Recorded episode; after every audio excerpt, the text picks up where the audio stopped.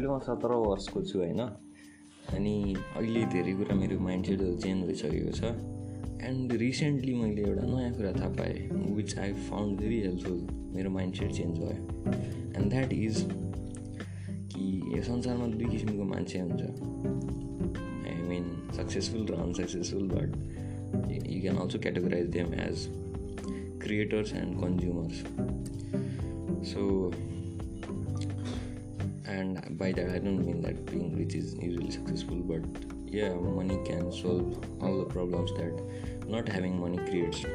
Okay so uh, the people who are always creating in this new world uh, seem to be or are yes are they are successful because they are creating.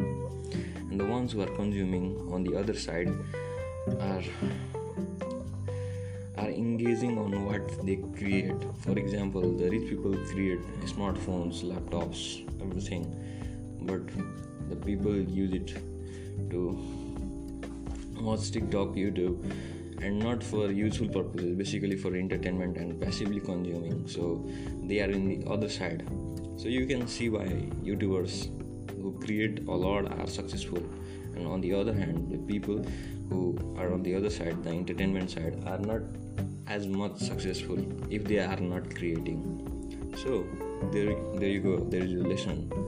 Always create uh, create more than you consume.